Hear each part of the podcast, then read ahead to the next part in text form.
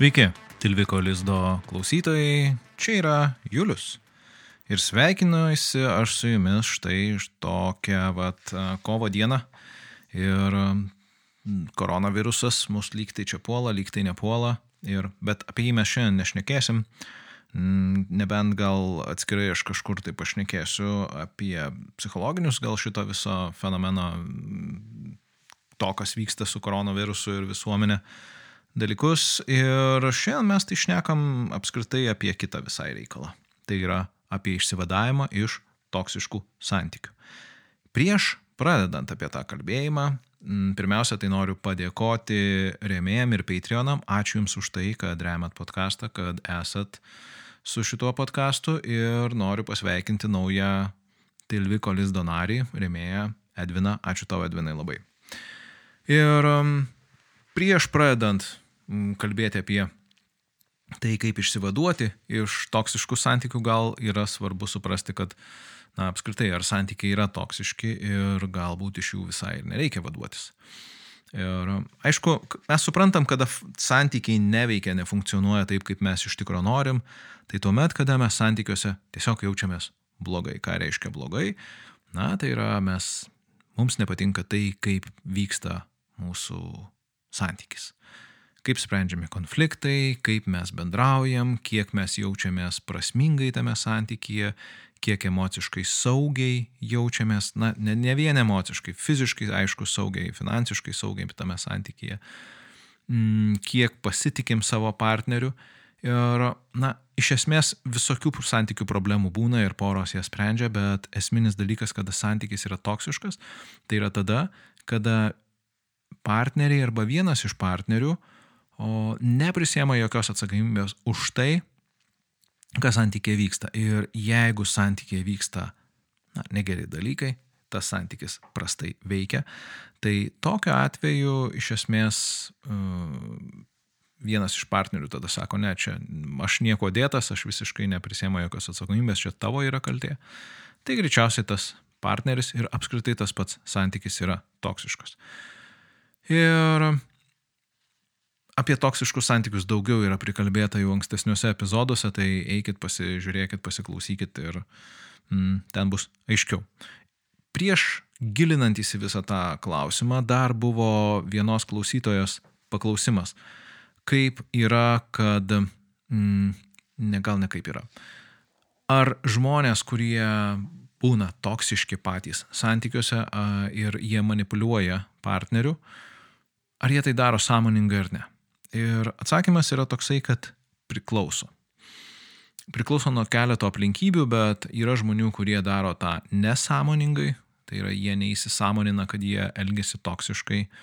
Ir um, jeigu mes jiem parodom uh, tą jų toksiškumą, jie kartais iš tikrųjų pasako, o, man labai keista, kad aš čia taip elgiuosi, arba, na, čia iš tikrųjų ačiū, kad parodė ir kažką aš su tuo darysiu. Čia yra labiau išimtis negu taisyklės ir dalis partnerių yra, jiem parodom jų toksiškumą ir jie sako vis vieną, ai, man nesvarbu, čia nesąmonė, čia tavo išsigalvojimai.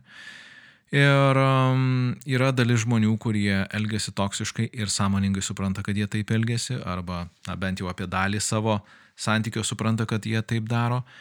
Ir iš esmės, tai su tokiu žmogum, jeigu jis supranta, kad jisai daro žalą ir skaudina savo partnerį, na, būti iš viso šansų nėra ir, ir, ir geriau nuo jo bėgti neatsisukant. Ir abiem atvejais geriau yra, na, tas santykis turėtų keistis ir, ir dažniausiai tai jisai keičiasi taip, kad tiesiog tokio, tokios poros turi išsiskirti. Vėlgi, tas žmonių toksiškumas jisai kartais išsiprovokuoja tam tikram santykėje.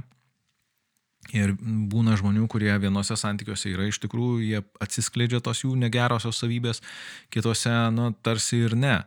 Ir um, kodėl čia taip nutinka, tai aš manau, kad, na, ne vien aš manau, bet um, tai galime pastebėti iš to, kad, na, šiaip santykiuose mes labai daug atsinešam savo o vaikystės elgesio modelių, savo tėvų elgesio modelių ir jie visi, na, tarsi atsiskleidžia ir pasimato ir, na, tada atitinkamai suveikia arba ne tam tikri kompleksai ir jeigu, na, ten žmogus yra būtent, na, elgesi toksiškai dėl to, kad, na, jam tie santykiai primena jo šeimą, o kitoj, kitose santykiuose jisai tarsi nebemato tos savo šeimos arba mato kitą kažkokią tai dalį, dėl to tai išsiprovokuoja arba ne.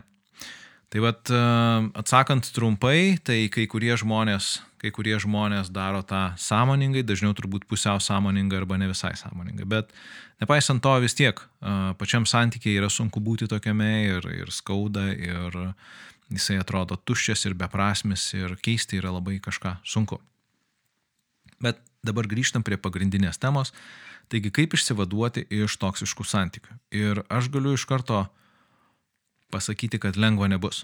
Nes e, jeigu, ir nebus paprasta taip pat, nes jeigu būtų arba lengva, arba paprasta ir tas santykis būtų netinkamas tau, tai jau seniai būtum pabėgusi ar pabėgęs iš to santykio ir viskas jau būtų išspręsta. Nepaisant to, jeigu tu dabar klausai šitą podcastą, tai greičiausiai, kad yra kažkokia problema su tuo toksišku santykiu. Taigi tas išsivadavimas jisai būtų įvykęs anksčiau ir kodėl ne, žmonės visgi įstringa tam toksiškam santykiai, tai dėl to, kad kartais jie nesupranta, kad tai yra toksiškas santykis, jie tiesiog blogai jaučiasi. Ir pavyzdžiui, jeigu na, vyksta tas gaslightingas arba trianguliacija, na, žmogus tada vis jam primena, kad uh, žiūrėk, tai čia yra tu esi kaltas, tu, tavyje yra problema, su tavim čia yra blogai. Na ir tas žmogus tada taip tarsi ir nesupranta, kad, na, gal tas santykis ir yra blogas, bet jeigu jisai tas pats, vat, intoksikuojamas žmogus manosi esas kaltas, tai tokiu atveju jis bando kažkaip tai tą santykį gerinti ir kad ir ką jis bedarytų, vis tiek tas santykis neveikia. Ir aišku, kartais būna žmonės, kad pamato jau to santykio toksiškumą, bet jie būna taip giliai įklimpę, kad jiem tada atrodo, kad yra paprasčiau tiesiog jame toliau būti ir gyventi, negu kad kažką tai keisti. Ir tai yra didelė problema, nes iš tikro toksiškuose santykiuose partneriai būna labai stipriai susipinę ir neretai tas intoksikuojantis mm, partneris, tas, tas būtent toksiškas partneris, jisai padaro daug tokių saitų, kuriuos nutraukti yra labai sunku ir, na, iš tikrųjų jaučiasi žmogus, tas intoksikuojamasis arba tas užnuodytas, tarsi jis būtų įsipainiojęs į voratinklį, kad ir ką jisai darytų, kad ir kaip jisai judėtų, vis viena viskas yra, jį dar labiau supančio ir dar labiau klaidina ir dar jisai blogiau nuo to jaučiasi. Ir nuo ko reiktų pradėti? Na, tai pirmiausia, aišku, identifikuoti, kad tas santykis yra toksiškas ir tikėkime, kad jau identifikavai, kad tavo santykis toksiškas ir dabar ką daryti toliau. Tai pirmiausia, o, reikės rasti palaikymą ne iš toksiško partnerio rato. Ir tas palaikymas tai reiškia, kad reikės ieškoti mm, žmogaus iš kažkokios išorės. Na, ga, tai gali būti uh, Tai gali būti geras draugas arba draugė, kurie, yra, kurie niekaip nesusiję su tuo toksišku partneriu arba labai labai mažai susiję. Tai gali būti psichologas arba psichoterapeutas, žodžiu, psichikos veikatos specialistas. Tai gali būti žmogus iš kažkokios tai palaikymo grupės arba ten pagalbos grupės, kur, kuris supranta tą problemą, atpažįsta ir ją mato. Kodėl tai yra svarbu? Tai yra todėl, kad e, iš esmės tokiu atveju tas žmogus neturi jokių saitų su toksišku partneriu. Tuomet negali būti atskleista informacija apie tai, kad na, apskritai vyksta kažkokia tai ar kalba, ar, ar, ar, ar toks planas, ir mes apie planavimą kalbėsim toliau, atsiskirimo, išeimo iš to santykio. Ir Aišku, neretai būna taip, kad uh, tie toksiški partneriai, jeigu mes kalbam ar bendraujam su susijusiais žmonėm, tai jie tada įima ir atskleidžia tam uh, toksiškam partneriui apie tavo planus, apie tai, kas bus ir kaip, kaip, kaip viskas, kaip, kaip tau tenai yra tam santykiai ir automatiškai tas toksiškas partneris tada ką jis padaro, jis dar labiau tave įpainioja ir, ir jisai žino jau apie tavo tą norą ištrūkti ir tada jisai ten arba, arba dar labiau paskleidžia to, to, to melo rūko, tokio gaslightina, arba jis dar labiau manipuliuoja, jisai prižada visokių dalykų į ateitį, jisai sako, kad pasikeitė, žodžiu, yra daugybė tų manipulacijos būdų ir mes dar kalbėsime apie tos manipulacijos būdus, mm, kas ir kaip vyksta. Bet e, štai dėl tos būtent priežasties yra labai svarbu rasti palaikymą ne iš toksiško partnerio rato. Ir kitas dalykas yra, kad jeigu iš toksiško partnerio yra, rato yra žmogus, tai jisai gali matyti tą situaciją iškreiptai ir a, greičiausiai tai jisai, ypač pavyzdžiui, jeigu na, susidurėt su gaslightingu, tai gali būti, kad tam žmogui bus meluojama ir jisai matys tą situaciją visai kitaip, negu kad jinai iš tikrųjų yra ir sakys, ne, ne, čia yra problema su tavim vis viena ir galbūt tu vis dėlto čia neturi persistengti ir neturi, neturi bėgti iš to santykio, čia pasisteng gal labiau kažkaip tai išsispręsti. Štai todėl yra svarbu būtent rasti palaikymą iš išorės. Tada, kai jau turime palaikymą, kai jau yra kažkoks tai ryšys ir mes galime tuo žmogumi pasitikėti,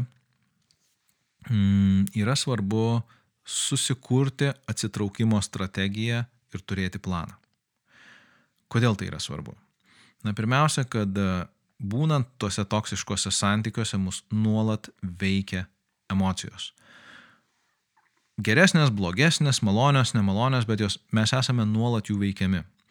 Ir kuo yra gerai plano turėjimas ir kuo yra gerai toks strateginis mąstymas, Tai yra tuo, kad mūsų planai veikia, yra ar egzistuoja nepriklausomai nuo mūsų emocijų. Jeigu mes pasirašėm planą būdami tokios, na, sąmoningos būsenos arba atsitraukę nuo to, kas realiai vyksta mūsų santykėje, tai mes tą planą galėsime per sukastus galbūt dantis įgyvendinti ir padaryti tuos žingsnius, kuriuos mes na, susiplanavę esame ir turėtume padaryti tam, kad galėtume iš tos toksiško santykio išeiti. Kodėl dabar yra tai svarbu taip, na, strategiškai suplanuoti, dėl to, kad kiekvienas santykis, aišku, jisai yra savotiškas, ypatingas.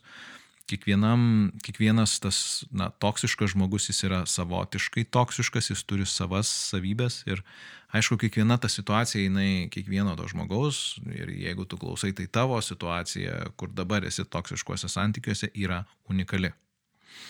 Todėl bendros receptūros tokios, na, čia mes ir apie ją kalbam, bet iš esmės reikia labai aiškiai susidėlioti tokį, na, vat, aha, tai jeigu tas žmogus linkęs, pavyzdžiui, smurtauti, tai kaip tada daryti? Jeigu šeimoje yra vaikai, ką tada daryti? Jeigu tu priklausai finansiškai nuo to partnerio, kaip vat, daryti, žodžiu, susikurti visus žingsnius, kurie mums yra svarbus, tokia, na, apgalvoti tokią strategiją ir tada to, pagal tą strategiją pasidaryti planą, tai yra geriausia iš viso, idealu, kad jis būtų aiškiai sudėstytas žingsniais ir aišku, planas ne vien tik tai A, bet geriausia B ir C planai, kad jeigu vienas žingsnis nepavyksta, tai kaip mes tada elgiamės kitu atveju. Ir apsvarstyti visus, visus, na, tokius aspektus to atsitraukimo. Pradėkime nuo to, kokie bus žingsniai tam, kad mes galėtume atsiriboti nuo to toksiško partnerio įtakos, nuo visapusės įtakos, nuo finansinės, nuo emocinės, nuo fizinės galbūt įtakos, galbūt jeigu ypač tai sudėtingėja, jeigu yra vaikai, tai kas tuo met vyksta ir, ir kaip vyksta tai, kaip yra kalbama su vaikais, kaip yra der, derinami klausimai, kai tai yra konfliktinės situacijos. Ir reikia suprasti, kad tai nėra uh, toks vienas momentinis dalykas. Tam planui įgyvenint gali būti, kad reikės kokių metų ar pusmečio, kol tai įvyks tas realus išsiskirimas. Netgi jeigu yra labai sunku ir labai skauda, neretai, na, žmonės tiesiog pabėga iš to santykio nepasiruošę ir uh, kai jie pabėga nepasiruošę, labai būna dažnai, kad jie tiesiog grįžta atgal į tą patį santykį, atkrenta ir, ir, ir būna dar blogiau, jie tampa dar labiau priklausomi. Štai todėl yra svarbus tas planas ir strategija. Ir tada kitas žingsnis, kai mes jau turime kažkokią tai tą planą, yra svarbu įgyti resursų atsitraukimui. Mm, ir dažniausiai to reikia. Kartais būna žmonių iš tikrųjų, kurie na, patys turi ten resursų ir, ir, ir tas toksiškas partneris yra priklausomas nuo jų, tai tada viskas yra paprasčiau, galbūt lengviau, bet tada įsijungia kiti dalykai, ten, ten pavyzdžiui, kokia kaltė ar gailestis ir tada, aišku, vėlgi reikia tą, na, nereikia bet tas, tas partneris yra kitas ten globojamas dar ilgai ir ten, žodžiu, vis tiek tas santykis nenutrūksta. Bet labai neretai būna, kad visgi reikia resursų atsitraukimo tam planui įvykdyti. Ir tie resursai tai gali būti finansiniai, na, pavyzdžiui, būna, kad mm, tas priklausomasis partneris jisai yra susaistytas taip pat finansiškai, kad, na, savarankiškai jisai iš to, ką jis užsidirba pats, jisai negali taip labai paprastai ir lengvai gyventi. Tada gali būti, kad reikės kažkaip tai struktūruoti savo užimtumą ir laiką. Ir ypač jeigu šeimoje yra vaikų, tai tada kaip ta, su tais vaikais, kur kaip jiems skirti laiką, nes, na, jau tada jau esat nebedviese, tada yra vienas tik tai žmogus ir aišku, gali būti, kad reikės kažkokių tai būtent persistumdyti darbo atvarkės, dienotvarkės ir, ir tai kaip logistika visą gyvenimo, tai kaip viskas vyks. Mm, gali būti, kad reikės ir greičiausiai reikės spręsti juridinius kažkokius klausimus. E, ir suprast reikia tokį gana aišku dalyką, kad kiekvienas iš tų resursų, apie kuriuos čia dabar pakalbėta yra, jie gali būti kaip, jeigu, jeigu yra, jeigu tu esi priklausomas nuo to toksiško partnerio per vieną iš tų resursų, tai tai greičiausiai bus priemonė tam toksiškam partneriui manipuliuoti tavimi. Ir būtent reikia tą apgalvoti, kad uh, tų resursų stygius nebūtų būdas manipuliuoti tavimi. Kad jeigu, pavyzdžiui, tau trūksta laiko, o ir, ir dėl to tu negali va, taip va, pilnavertiškai būti su vaikais, tai tas kitas partneris gali sakyti, ha, žiūrėk, nu tai tu, tu čia neturi laiko, tai gal aš vis dėlto čia kažkaip tai pabūsiu su tais vaikais, tai čia tu nesiparink, čia viskas gerai, aš čia viską išspręsiu ir tada per tokį vat, būdą jisai sako, nu žinai, bet aš čia esu su vaikais, tai gal vis dėlto čia kažkaip tai tu būk ir čia nepabėg. Jeigu labai dažnai būna, kad, na, manipuliuojama yra per finansus, pavyzdžiui, ypač su moterimis tas tipiškai yra, kad, na, vyras yra šeimos maitintojas, jisai atneša pinigus į šeimą ir tada, žodžiu, jeigu mes skirsimės, tai tu čia pinigų negausi. Arba dar dažnai būna, kad, na, jo, jo, aš čia tau duosiu, viską suteiksiu ir tada, kada jau realiai realybė susiduria su, su realybė susidurėma su fa, faktiškais veiksmais, tai yra iš tikrųjų uh, gerokai tas mažiau to, tos finansinės paramos arba jos visiškai nėra. Ir, bet čia vėlgi nesakau, nesakau, kad tai yra tik tai apie, apie toksiškus vyrus, kurie yra santykios, tai gali būti ir apie toksiškas moteris. Taigi mes kalbam tiesiog apie du žmonės, kurie yra vienas jų yra toksiškas tam santykėje, o kitas yra nuo jo priklausomas. Mm, ir kalbam apie tai, kad na, reikės pasirūpinti kažkaip tai resursais. Tai tiesiog tą reikia žinoti, tuo reikia rūpintis iš anksto, tam į tai negalima numoti ranką, negalima taip sakyti, ai aš kaip nors čia. Nu, kaip nors nebūna, nes dažniausiai tai jeigu žmogus yra priklausomas nuo kito toksiško žmogaus kažkaip tai, tai greičiausiai ir tie resursai nebus taip labai lengvai ir paprastai valdomi ir apie tai reikia taip labai sąmoningai ir atvirai savo pasikalbėti. Su savim ir aišku, pageidautina labai stipriai su tuo na, palaikančiu asmeniu, ar tai būtų geras draugas, ar tai būtų psichoterapeutas, ar psichologas, žodžiu, ar socialinis darbuotojas. Žodžiu, labai taip aiškiai, aiškiai susidėlioti, susidėlioti to plano žingsnius, tuos grinai resursinius. Tai yra, ką aš turiu turėti tam, kad galėčiau atsiskirti. Ir tada, aišku, reikia pradėti tą planą vykdyti. Po kiekvieną žingsnį ir pradėti po truputėlį kurtis tą alternatyvų ir naują gyvenimą. Ir kaip aš sakiau, tai yra ne vienos dienos darbas ir labai svarbu, kad, na, tas planas ypač, kaip sakau, popieriuje, failė kažkokiam tai kažkur saugiai, kur galima pačiam pažiūrėti ir, ir taip, na, pažodžiu, perskaityti ir pasakyti, va štai šitą punktą aš įvykdžiau, nes jeigu tai yra galvoje, tai labai greitai mes galvoje galime iškraipyti faktus, mes galime iškraipyti tai, kaip mes tą matom, kaitalioti ten vietom dalykus, sakyti, ai, šito nereikia man.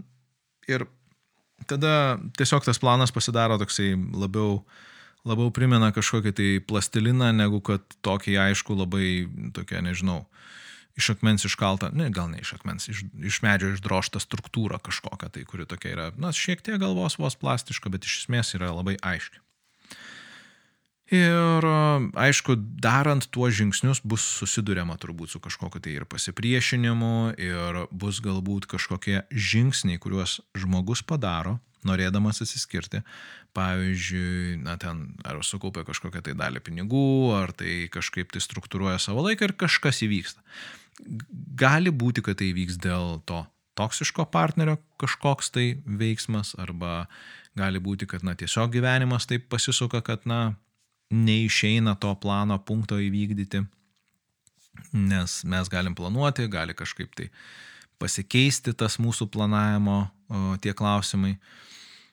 Ir todėl svarbu turėti planą B ar planą C ar žingsnius B ir C ir tada juos taip įvykdyti ir tada žiūrėti, kur tai nuveda.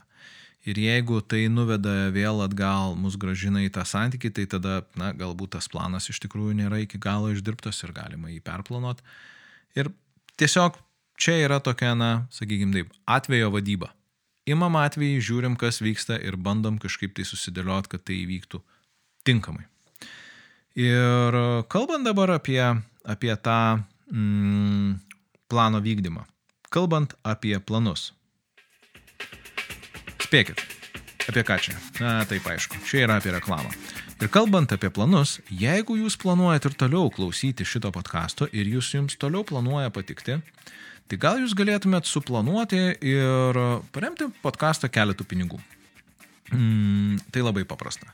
Eiti į tilvikas.lt, įstrižas brūkšnys lizdas, paspausti nuorodą prisidėti ir paremti, ir tada prisidėti ir paremti, ir tada gaunate kažkokį tai už tai privalumą. Mm, arba tiesiog paprasčiausiai padėka mano kiekvienam epizode.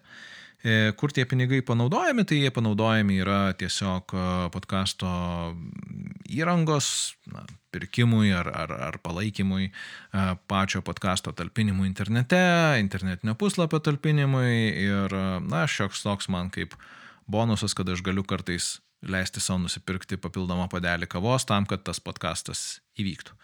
Ir tiesiog tai yra jūsų padėka um, tokia vat finansinė. Taigi, ačiū Jum, kad remet ir kas neremet, paremkit.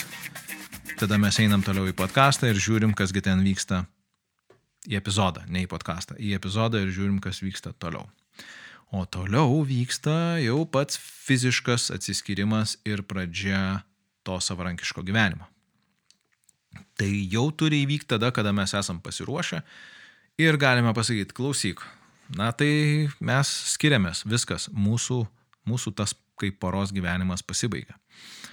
Ir, kaip sakiau, gali būti, kad tai užtruks ir, ir reikės padaryti žingsnius, galbūt juridinius, galbūt tą skirybų sutartį pasida, pasirašyti ir, ir pradėti uh, ją vykdyti. Arba galbūt iš tikrųjų reikės, jeigu, jeigu tas santykis yra giliai toksiškas, tai reikės užsiruošti kažkokius tai resursus, uh, iš ankstinius, galbūt kažkokią saugią vietą, pinigų, galbūt e, dar kažko. Man yra sunku galbūt pasakoti tiksliai, ko reikės, nes, kaip sakiau, kiekvieno atveju yra labai labai individualu. Jeigu yra grėsmė mm, fiziniam smurtui, tarkime, kad na, tas atsiskirimas iš tikrųjų gali paveikti taip, kad a, tiesiog a, tau gali kilti grėsmė fiziškai, gali sumušti ten tas partneris ar, ar kažkaip tai kitaip fiziškai, na, užatakuot. Um, tai tiesiog svarbu, kad tas atsiskirimas vyktų ne face to face, ne, ne, ne tuo pačiu metu, kada tas žmogus yra, bet galbūt tiesiog paimti, išsivežti daiktus tada, kada, jis, kada jo nėra, kada jisai nemato, arba tada turi būti kažkoks tai žmogus su tavim, kuris galėtų padėti tave apsaugoti.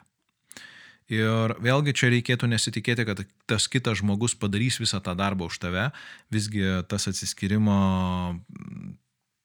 periodas, ar na, ne periodas, pats faktas, pat, pati ta, pats įvykis, jisai vis, į mes turėsime pereiti.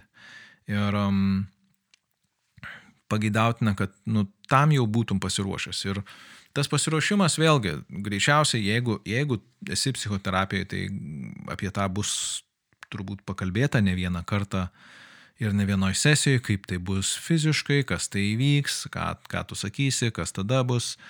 Ir um,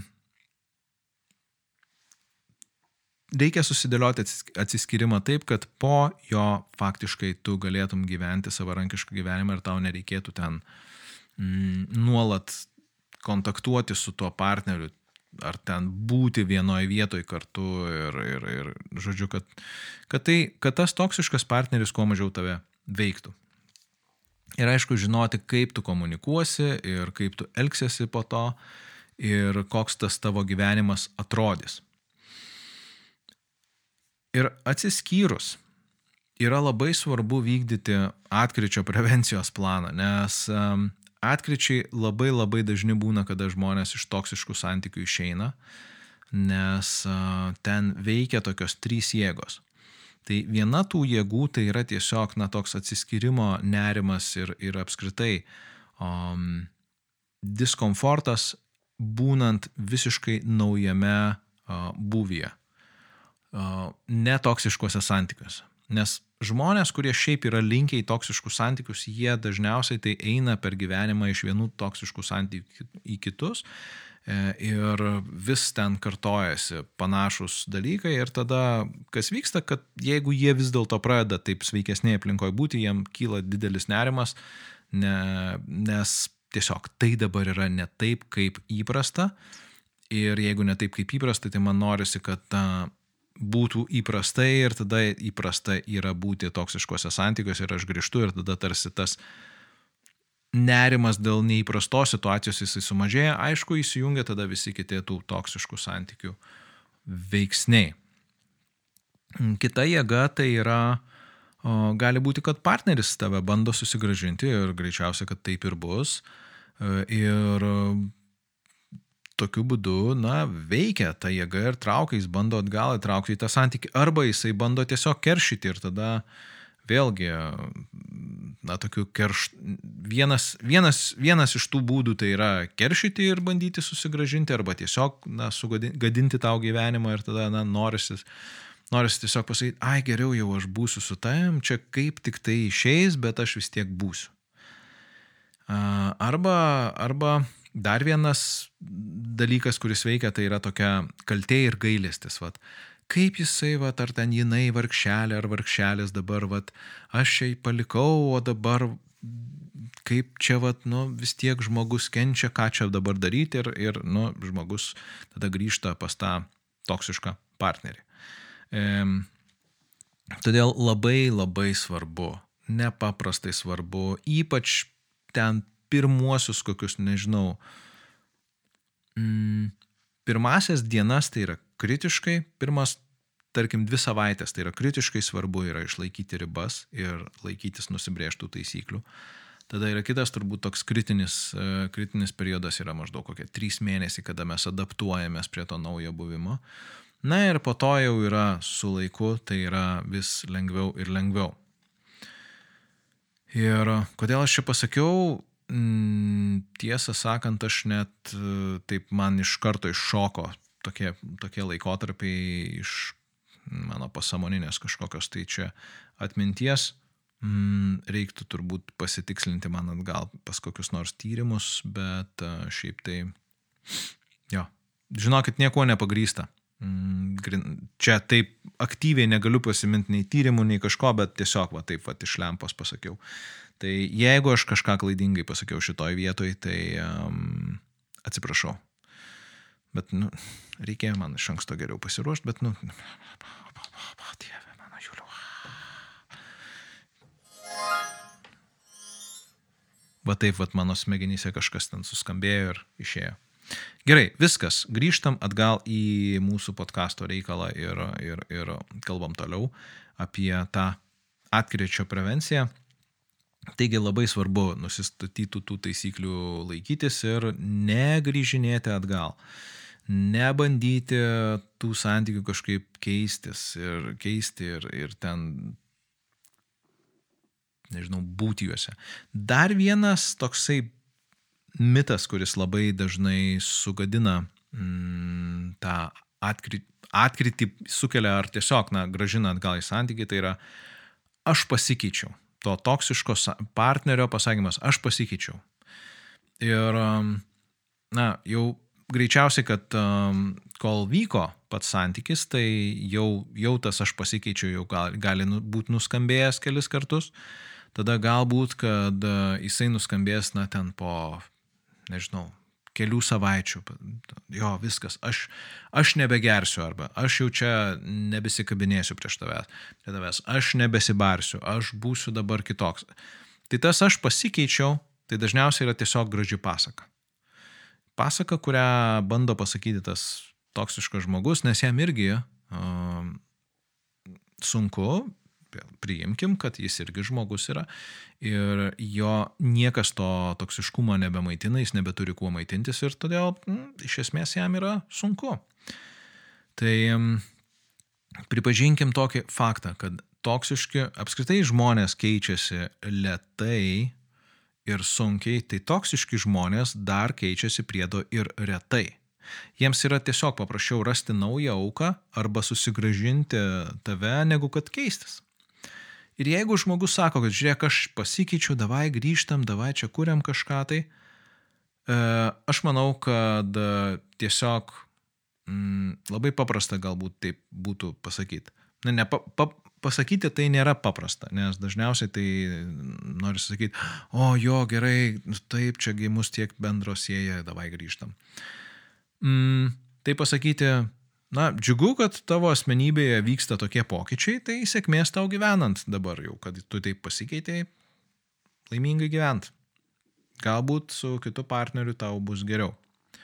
Ir jokių būdų netikėti tą pasaką aš pasikeičiu. Ir netgi jeigu žmogus iš tikro pasikeitė, tai turbūt yra priežastis, kodėl jisai nesikeitė tau esant santykiuose ir tau vis iškeliant tas problemas, kurios vyksta ir uh, jeigu jau reikėjo išsiskirti tam, kad žmogus pasikeistų, tai turbūt vis dėlto tai nėra tas žmogus, su kuriuo tau galima būti taip lengvai ir kurti tą tokį brandų santyki. Ir tada kitas toksai mm, mitas ir, ir tarsi priemonė, kuri trukdo mm, toliau sėkmingai funkcionuoti, tai yra noras likti draugais su toksišku partneriu. Ir tokiais atvejais aš tiesiog sakau taip, žiūrėk, tu išsiskiri su tuo toksišku žmogum, po dviejų metų, jeigu tau vis dar norės, norėsis būti su juo draugais, tai tu būk. Iki to laiko tu tiesiog atsiriboji nuo jo ir kiek įmanoma toliau esi nuo jo. Ir um, Aišku, dažniausiai tai žmonės, kada išgirsta, tai, o, tai kaip čia, bet taigi mus čia sieja, čia tiek bendrų dalykų tokie, mes čia svar, svarbu visa tai yra, mum, ką mes čia patyrėm, tiek mes turim prisiminimų ir viso kito. Mm, kągi, prisiminimai niekur nedingsta. Tu juos turi, jeigu ten yra kažkas gero, tai labai fainai, džiugu, kad tu turi tų prisiminimų ir tau ten smagu yra su tais prisiminimais būti. Bet dėja, bet draugais likti po toksiško, apskritai po santykio bet kokio yra sunku, o ypač po tokio toksiško, kuriame tavi manipuliavo ir tave išnaudojo ir nuodijo tavo gyvenimą. Tai ne. Nes toksiškas santykis ir tas žmogus likęs nuolatinis tavo rate, jisai bus kaip toks šešėlis, kuris nuolat viską dengia, ką tik tai tu bedarytum. Ir tada galima pagalvoti, tai gerai, tai o kaip bus, jeigu mano gyvenime atsiras naujas partneris ar partnerė ir um, kaip tada, vat, kaip tada su tuo toksišku žmogum. Apriboti tą bendravimą, ne, ne, nebūti su jais, bet jeigu tas žmogus yra tavo draugas, na tai partnerystėse galbūt yra svarbu, kad vis dėlto, na, žmonės, kurie yra mūsų gyvenimuose, na, jie būtų tarsi abipusiai prieinami, kad jie ne, nereikėtų kažko nuo kažko slėpti ar kažkokiu tai ten buvusių draugyšių, nežinau, vengti ar manipuliuoti jomis, nes, na, iš esmės tai tiesiog trukdys tam pačiam poros santykiui, poros, kuri bus ateityje. Tai tie du meteliai ir tada, jeigu norit būti draugais, okay, būkit. Ir tada galiausiai toksai tarsi dar vienas punktas, tai neskubėti kurti kitų santykių ir išmokti gyventi savarankiškai ir savo. Ir kodėl tai yra svarbu? Tai todėl, kad jau mes apkalbėjom šiek tiek apie tą tokią jėgą, kuris stumia atgal į tą toksišką santyki ir um, jinai tarsi skatina vėl būti jame, nes, na, būnant savarankiškai kyla toksai, na tas, nerimas arba diskomfortas, nes tai yra visiškai naujas būvis. Jeigu žmogus yra savarankiškai ir jisai geba tame savarankiškume išbūti, nekurdamas naujo santykio. Ir beje, kalbant apie naują santykį, tai aš nebūtinai sakau, kad tai čia turėtų būti gyvenimas kartu. Kartai žmonės kuria santykius, kurie iš tikrųjų, jie yra santykiai, bet tie du žmonės negyvena kartu. Jie susitinka, jie mylisi, jie planuoja kažką, jie veikia kažką, jie yra pora, bet jie negyvena kartu. Ir tokie santykiai tęsiasi ilgai ir um, tada vis tiek tai yra santykiai. Ir, tokie, ir žmonės grįžta, atkrenta atgal į tokius santykius ir ten arba kuria panašius santykių modelius su kitais žmonėmis. Todėl yra svarbu vis dėlto išmokti gyventi savarankiškai ir pagal save, pagal savo vertybės, nes tada, kada mes išmokstam būti savarankiškai ir savo, mums yra gerokai lengviau būti ir santykėje, nes tada ties, tas nauja, nauja ta draugystė, naujas tas romantinis ryšys, ta meilė, iš tikrųjų mus tik tai labiau praturtina. Mes esame laimingi būdami patys savo, tada esam dar laimingesni būdami su kažkuo. Labai gerai. Jeigu mes esam nelaimingi ir kiti santykiai yra tik tai išsigelbėjimas, tai greičiausiai, kad na, tas žmogus iš to toksiško santykio neišgyjo, jis tiesiog susiras panašų partnerį į tą, kuris jau buvo. Ir tai jau bus besikartojanti istorija, nes greičiausiai tai irgi prieš tai buvo kitas toksiškas partneris. Ir vėl įkris, įkris jis į tokį toksišką santykį ir tai įvyks atkritis tik tai ne su tuo pačiu žmogumo, jau su kitu. Ir tiesiog arba tas, ta partnerystė, jinai gali būti beje apsiversti ir tada a, tas nukentėjęs partneris dabar staiga taps tuo toksiškuoju ir jisai pradės veikti. Čia yra įvairiai. Tai va todėl yra svarbu išmokti būti savarankiškai. Ir turbūt šitoje vietoje jau yra kaip ir pabaiga tų žingsnių, kurie vyksta atsiskirinėjant. Ir akivaizdžiai čia nėra apžvelgta visiškai ir idealiai viskas. Yra nukrypimų, yra variacijų. Aš bandžiau tiesiog sudėlioti tokį gana aišku planą, e, kaip išsivaduoti iš to toksiško santykio ir ką aš dažniausiai, na, dirbu su klientais, su kuriais mes aptarinėjom jų santykius, kada jie bando iš jo išeiti ir, ir kokie yra tie žingsniai. Ir reikėtų pastebėti, kad na, visas tas, visi tie žingsniai, visas tas procesas, jis iš esmės siejasi su labai daug nemalonių emocijų. Nes iš pat pradžių kyla didelė baime, kad, na, ir, ir, ir nerimas, kaip bus, kaip man reikės pasakyti tam žmogui, su kuriuo aš esu ir kurio aš galbūt bijau, ar kurio, kurio nekenčiu, kuris man nepatinka, uh, kaip man reikės pasakyti, kad aš su juo viskas nutraukiu tą ryšį, jisai baigėsi. Tada kyla nerimas, kaip man reikės gyventi, kaip man reikės būti su savim. kaip man reikės būti su vaikais galbūt, kurie yra tame santykėje, nes čia ypač sudėti, sudėtingėja viskas, bet iš kitos pusės ir paprasčiau, nepaprasčiau, bet iš kitos pusės yra gerai nutraukti toksišką santykį, jeigu poroje yra vaikų, nes jiems tada yra geriau tiesiog ne, nematyti toksiškų santykių. Čia vėlgi nėra toks vien, vienareikšmis mano pasakymas, o tai jeigu tu esi toksiškam santykiai, tai tu išsiskirk iš karto ir čia tavo vaikam bus geriau. Bet tipiškai vaikam yra lengviau būti netoksiškame santykyje, negu kad matyti nuolat ten bes, besivaidyjančius tėvus ir, ir, ir mm, santykiai, santykiai, kurį jie greičiausiai kažkokiu tai būdu, jeigu jie auks tokiam nuolatiniam nuolatiniai tokioj toksiškoj pelkėje, jie greičiausiai perdu, persijims savo ir tada taikys savo, vaik, savo šeimose ir, ir savo vaikam perduos. Tai jo, čia yra šitas momentas svarbus, supratimas, kad um, vaikai, vaikai yra, gali būti labai stipriai mm, veikiami mm, to, to ir toksiškumo, ir to išsiskirimo, aišku um, yra labai svarbu suprasti, kad na, gali, gali imti tokia na, desperacija ir, ir, ir, ir toks uh, beviltiškumo jausmas. Na, kaip čia dabar visą tą padaryti? Kaip čia, čia net neįmanoma išbūti ir išeiti iš to, kas čia vyksta. Ir um, aišku, gyvenant savarankiškai pradės galbūt imti kažkokią, kažkokios tai smulkios dal, dalelės, jos ateis tas išsilaisvimo jausmas ir, ir tarsi prasidės, o kaip čia fainai, kaip gerai. Ir, ir labai dažnai tas pakilimas, jisai būna, na, toks labai trumpas. Ir labai žmonės, kurie išsilaisvina iš santykių toksiškų, tai jie tada pradeda ten, nežinau, daryti viską, gyventi, žodžiu, taip, va, tarsi, tarsi patrakę ten laksto, daro viską. Ir iš esmės tai yra būdas susimažinti savo nerimą.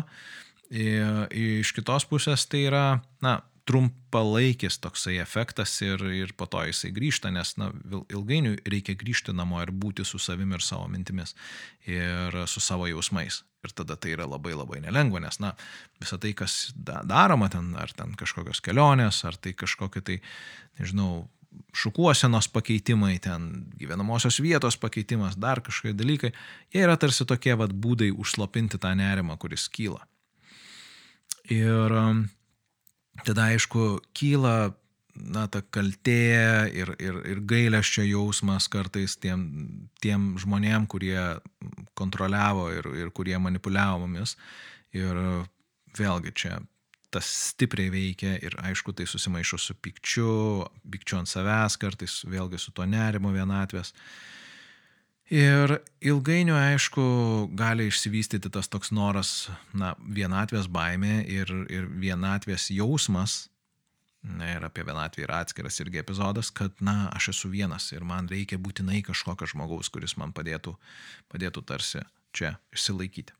Ir užbaigiant, norisi apibendrinti ir sudėlioti, kokiegi tie žingsniai esminiai yra norint išsivaduoti iš toksiškų santykių. Tai pirmiausia, aišku, atpažinti, kad toksiški santykiai yra toksiški, priimti savo, kad tai nei bus lengva, nei bus paprasta, surasti palaikymą ne iš toksiško partnerio rato, kad toksiškas partneris negalėtų jumis manipuliuoti ir nežinotų jūsų šito plano ir jūs galėtumėte ramiai savo sugalvoti atsitraukimo strategiją ir susikurti planą. Tada jeigu reikia įgyti resursų atsitraukimui mm, ir išsiskirimui, Ir tada pradėti vykdyti planą žingsnis po žingsnio, kartais perplanuojant, kartais turint planą B, C ir D. Ir tada atsiskirti galų gale, jau susidurti su tuo išsiskyrimu ir pradėti gyventi savarankiškai. Ir tada vykdyti prevencijos, atkričio prevencijos planą, kad, na, negrįžt atgal į tą toksišką santyki. Arba nesusikurti kažkokio tai kito santykio, kuris iš esmės gali būti toksiškas ir tik taip išbūti na, būti jame tam, kad tiesiog būtų lengviau ir viskas. Taigi svarbu yra neskubėti kurti kitų naujų santykių ir savarankiškai savo pasibūti. Ir e, likti draugais, jeigu jūs norite su tuo buvusiu toksišku partneriu, okay, būkite po poros metų. Išsiskirkite, pabūkite du metus ir tada gal jau būsite draugais. Netikėkite visais ten pasikeitimais. Ir kągi, aš tada tikiuosi, kad, na, jūsų gyvenime, o tada tas naujas, naujas partneris, nauja šeima, naujas gyvenimas bus iš tikrųjų geresnis ir kokybiškesnis. Ir šitoj vietoj jau noriu su jumis atsisveikinti, dar kartą padėkoti visiems, kurie klauso, kurie remia podcastą. Ir kągi, jeigu esate toksiškose santykiuose, jau žinot, ką daryti. Jeigu ne, na tai labai džiaugiuosi už jūs. Čia buvo Tilviko Lizdas, Julius ir sėkmės jums būnant. Ate.